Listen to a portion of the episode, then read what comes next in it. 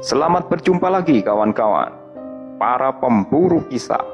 Malam ini bertemu kembali kita dalam My Story Zone. Jangan lupa siapkan headset, siapkan kopi. Tapi kalau ke belakang jangan pernah pergi sendiri. Oke, nantikan cerita kami.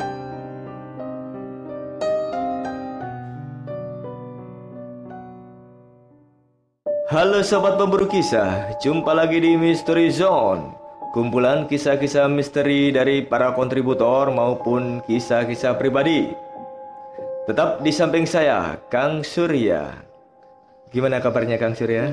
Baik, kabarnya Pak Jagung gimana? Sepertinya semangat sekali malam ini. Eh, semangat sekali Kang Surya. Eh, Kang Surya, Hmm. hari ini mau berbagi kisah apa ini? Ya, seperti biasa, berbagi kisah dari teman-teman, terutama teman-teman dekat saya dan saya ikut juga di dalamnya walaupun hari itu tidak apa ya, tidak mengalaminya, tapi kejadiannya pas waktu saya ada di sana. Wah, kayaknya seru banget ini. Eh, monggo Kang Surya, Langsung bisa dimulai. Saya mulai aja. Iya. Oke.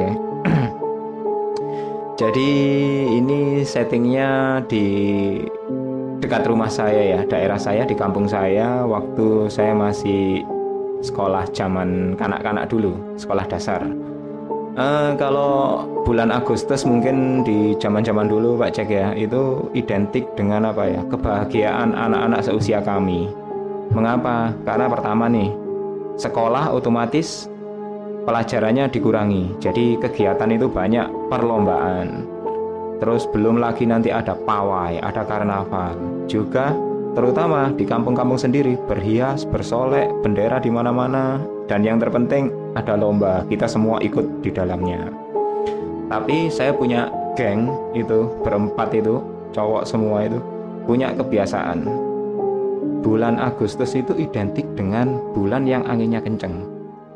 Lagi pula kalau di tempat saya musim mangga. Nah, jadi seperti biasa kami dan kawan-kawan hampir tiap malam sepakat untuk berburu mangga yang jatuh tertiup angin. Nah, biasanya mangga ini kalau di daerah saya kalau sudah matang bener itu terus ada krowaknya, ada lubangnya yang dimakan sama apa? kelelawar buah. Itu rasanya nikmatnya luar biasa, manisnya manis alami istimewa sekali pokoknya wis. Nah itu kita sepakat kita cari mangga yang jatuh dari pohon, terus nanti kita makan rame-rame. Nah eh, kebetulan saya punya teman yang rumahnya di kampung sebelah. Dia itu punya rumah yang apa ya klasik karena peninggalan tahun-tahun 70-an dan di sebelah rumahnya itu ada rumah gede peninggalan kolonial lebih tua dan depannya itu punya halaman yang sangat luas dan itu bisa orang dua tim main poli itu bisa puas main di situ luas sekali. Berupa tanah pekarangan yang tanahnya itu masih apa ya berupa tanah kering berdebu gitu. Di halaman depan rumah tetangganya yang kosong itu karena pemiliknya memang sudah tinggal di luar kota dibiarkan kosong begitu saja itu terdapat pohon mangga. Mangga yang sangat besar zaman segitu mungkin diameternya satu meter lebih akarnya menjalar ke mana-mana bisa buat duduk bisa buat anak-anak untuk apa ya beraktivitas di sana baik cabang-cabangnya yang gede, daun-daunnya yang rimbun, terutama buah mangganya yang terkenal enak. Nah, pada malam itu saya dan teman-teman berencana menginap ke sana sepulang mengaji malam. Jadi habis mengaji, kita semua bermain, berencana nginep di rumahnya dia sambil membawa apa ya? karambol waktu itu, mainan karambol. Nah, akhirnya dimulailah penantian kami menunggu buah mangga jatuh. Menjelang tengah malam, kira-kira jam 9, saat itu angin mulai kenceng-kencengnya. Padahal kalau malam di tempat saya itu di daerah kota saya itu sepi banget. Angin kenceng, sepi, sementara kita berempat itu masih asik duduk di teras rumahnya teman sambil mainan karambol. Nah, padahal di dalam itu saudara-saudaranya, keluarganya sudah pada tertidur. di televisi pun sudah nyiarkan apa ya saluran berita itu tandanya ini sudah malam nah, akhirnya malam makin larut makin larut.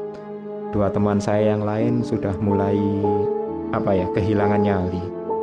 Alasannya di sini dingin. Aku takut masuk angin. Ya sudah masuk saja tidur ke ruang tamu kata teman saya. Nyerah satu. Satunya lagi sama. Anginnya kenceng tapi mangganya nggak ada suara mangga jatuh sama sekali. Wah menyerah juga. Dua orang sudah menyerah tinggal saya sama teman saya. Nah akhirnya kita berdua sepakat. Memang malam ini mungkin kita kurang beruntung ya nggak ada mangga yang jatuh tapi nggak ada salahnya ditunggu sesaat lagi. Nah kebetulan waktu itu apa saudaranya teman saya kakaknya itu yang sekolahnya di atas saya usianya lebih tua juga ikut keluar dia sambil bawa senter. Wah kebetulan ini ditemani kakaknya gitu. Jadi ada tiga orang. Jadi lebih nyali kita naik lagi lah. Nah habis itu beneran angin mulai terdengar kencang. Terus gemerisi dedaunan pohon mangga. Mangga yang raksasa itu juga mulai terasa. Saya, teman saya dan kakaknya itu sudah mulai wah ini gilirannya mangga jatuh ini. gitu. Sementara dua teman saya yang tadi sudah di dalam berarti mereka sudah pasrah kalau kita dapat banyak mangga mereka nggak dapat jatah gitu aja. Akhirnya beneran nggak berselang lama ada suara jatuh bluk gitu. Wah kami bertiga berlari keluar dari rumah meloncati masuk loncat ke dalam pekaraman rumah tetangga karena kalau rumah-rumah zaman dulu apa ya pagar pekarangannya itu paling cuman hanya dibuatkan seperti tembok bata setengah meter gitu dicat kapur warna putih itu pun sudah mulai memudar karena nggak nggak dirawat.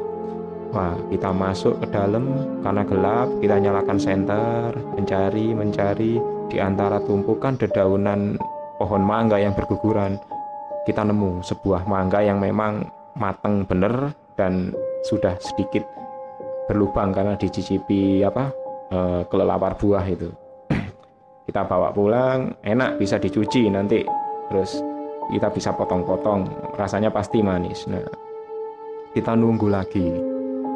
Makin lama jatuh lagi bersebuk wah kita semua bertiga berlari lagi. Dapat lagi. Jadi ya seperti itu aktivitasnya. Tiap malam melakukan itu sampai akhirnya kira-kira jam 11 mungkin e, kakak teman saya ini nyerah. Sudah senternya bawa aja gitu. Wah nyerah nih. Kita lihat mangga cuma dapat berapa ya? Satu kresek mungkin 8 atau 7 biji. Lanjut apa enggak gini ya? Ya sudah kita anu aja tunggu sebentar kata teman saya. Karena ada teman saya yang punya rumah jadi saya pede aja kan. Dia sudah terbiasa bermain ke halaman tetangga sebelah gitu ya akhirnya ketika malam benar-benar larut angin mulai berkurang nggak terlalu kencang. Tapi justru tiba-tiba ada yang jatuh. Blok gitu.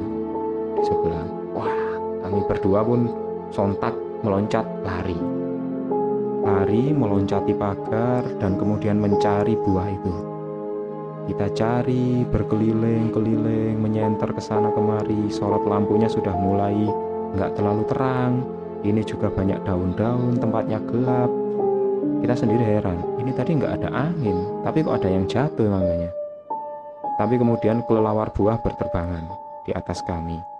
Oh, jangan-jangan kelelawar buah ini yang gigit, kena tangkainya terus mangganya jatuh tapi jatuhnya ke mana gitu kita nyari kita nyari akhirnya saya lihat itu ada buah mangga yang besar itu terselip tepat di bawahnya akar pohon mangga yang bentuknya melengkung gitu wah itu terselip di sana pantesan kita cari tidak ketemu akhirnya teman saya sepakat ya sudah kita ambil aja kami mulai mendekatinya. Lampu senter saya sorotkan ke mangga. Teman saya berusaha ngambil. Nah, mangganya itu besar. Diambil itu agak sulit gitu. Sepertinya tersangkut di akar. Nah waktu itu saya memang terus terang nggak berani menyorot ke arah atas atau ke mana. Memang takut. Akhirnya saya jongkok ikut jongkok sama teman saya di sebelahnya sambil nyorot gitu mangga. Wah ini aneh ini. Ini gak beres ini mangganya ini. Kok bisa tersangkut di akar? Nah waktu itu saya lihat ini akar pohonnya kok kuat banget saya terus terang nggak berani nyenter ke arah akarnya karena ya bayangan saya waktu itu ini akar apa kayak mirip badannya ular gitu loh. Wes sudah pokoknya mangganya aja. Saya bilang sudah kamu keruk aja tanahnya nanti kalau dikeruk mangganya kan akan melorot jatuh. Akhirnya dikeruk sama dia tanahnya. Lama gitu padahal tanah berpasir itu dikeruk kok enggak selesai-selesai. Tiba-tiba jatuh lagi di sebelah bluk gitu berarti memang mangga yang nyangkut ini bukan rezeki kita. Ya sudah ambil aja yang di sebelah. Mungkin itu mungkin gantinya ini pikirnya gitu. Akhirnya saya cari mangganya. Saya tidak ketemu saya sambil jongkok itu meraba-raba. Karena kan lampu senternya sudah mulai padam. Pas teman saya meraba-raba dia kok bilang coba lampunya sorotkan ke sini akhirnya senter itu saya sorotkan ke sana dan ternyata bukan mangga yang besar tapi seperti semacam kotoran manusia yang ukurannya itu seukuran tai kerbau. Padahal waktu itu kita dengarnya suaranya bluk seperti mangga. Akhirnya kita diam. Teman saya langsung inisiatif, senter direbut dari saya, kemudian disorotkan. Ini beneran ini nggak beres. Kok bisa ada barang seperti ini di sini?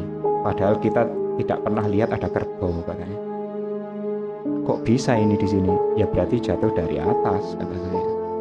Pikiran saya waktu itu sudah mending kita pergi. Tapi teman saya malah nekat.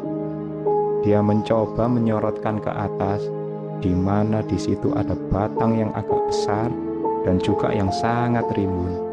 Senter redup itu akhirnya menangkap sesosok makhluk yang hitam, besar, tangannya panjang, kakinya besar dan juga matanya memerah. Kebetulan saya tidak melihat, saya memang sudah siap-siap untuk lari. Dan teman saya langsung menjerit ketika makhluk itu melihat sambil tersenyum menunjukkan gigi-giginya yang mengerikan. Kami pun lari, saya pun ikut lari walaupun tidak tahu apa yang terjadi. Dan itu adalah malam yang sangat panjang buat kami, karena terus terang kami nggak bisa tidur semalam itu. Ya, yang penting dapat beberapa biji mangga nggak apa-apa lah. Yang penting tidak ketemu seperti itu lagi kata teman saya. Jadi gitu ceritanya. Um, tapi gini Kang Surya apakah setelah kejadian itu Kang Surya sama teman-temannya ini masih beraktivitas lagi untuk cari mangga ya masih tapi tidak di situ tentunya karena di situ memang setelah kejadian itu terus terang kami menghindari mencari mangga di situ Ya, karena pertama apa ya? Kami sudah trauma dan yang kedua juga ada pilihan lain lah kita mungkin nyari mangga minta ke tetangga yang lain atau apa daripada harus apa ya menguji nyali di sana lagi gitu. Ya benar-benar masa kecil yang sangat mengasihkan ya punya Men pengalaman seperti itu. Mengasihkan dan juga menegangkan. Iya. Oke, sobat pemburu kisah, kalau kalian punya kisah yang menarik, tentunya kisah-kisah misteri, bisa dikirimkan ke kami. Linknya ada di deskripsi. Uh, dan terakhir, untuk fragmen kali ini, matikan HP sebelum kalian tidur dan kalau tetap kalian mendengar suara kami, artinya bukan kami. Oke, sampai jumpa di fragmen selanjutnya. Bye bye.